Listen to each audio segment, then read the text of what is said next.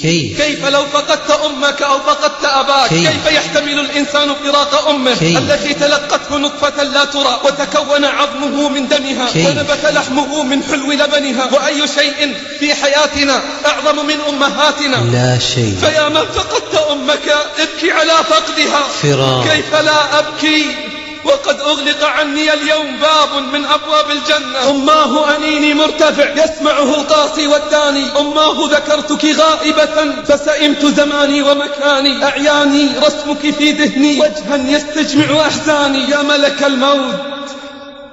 يا ملك الموت أما تدري من بعدك هدت أركاني وحبال البعد تحاصرني وتشد وثاق الحرمان سأبرك أمي فاقتربي فالدمعة تحرق أجفاني. أماه تعالي مسرعة كي أشعر يوما بحناني. أو تبني عندك لي قبرا كي أدخل كهف النسيان عجبا أماه لمن يبدي للأم صنوف النكران لو سلبوا يوما بسمتها غنوا للبر بألحان ندموا من فرض جهالتهم. أم باعوا بالباقي الفاني. فالأم نعيم يعرفه. من جرب يوم الحرمان فراق ويا من لا زالت أمك باقية فألزم قدميها فتم الجنة.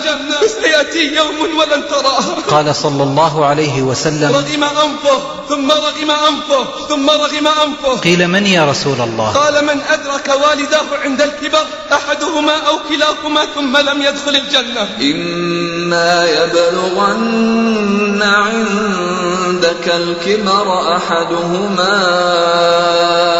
أو كلاهما فلا تقل لهما أف ولا تنهرهما وقل لهما قولا كريما أمك التي لا يلذ لها طعام ولا يهنأ لها مقام حتى تراك من السمع والبصر. كم سهرت لتنام. كم جاعت لتشبع. وكم شقت لتسعد أنت أسألك بالله من؟ من ذا الذي يسد الفراغ الذي تركته أمك من؟ وهي التي كانت لا ترى الحياة إلا من خلالك والسعادة إلا بوجودك. بل جعلت أكبر همومها أن تحملك في بطنها أم. وتحضنك في حجرها وترقبك بنظراتها وترويك من صدرها أم حملته أمه وهنا على وهن وفصاله في عامين الأم والله ما عرف قدرها إلا الله حين جعل الجنة تحت أقدامها الأم. وجعل النظر إلى وجهها عبادة وربط حقه بحقها وشكره بشكرها. بروا أباكم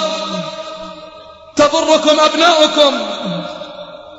بروا آباءكم تبركم أبناؤكم.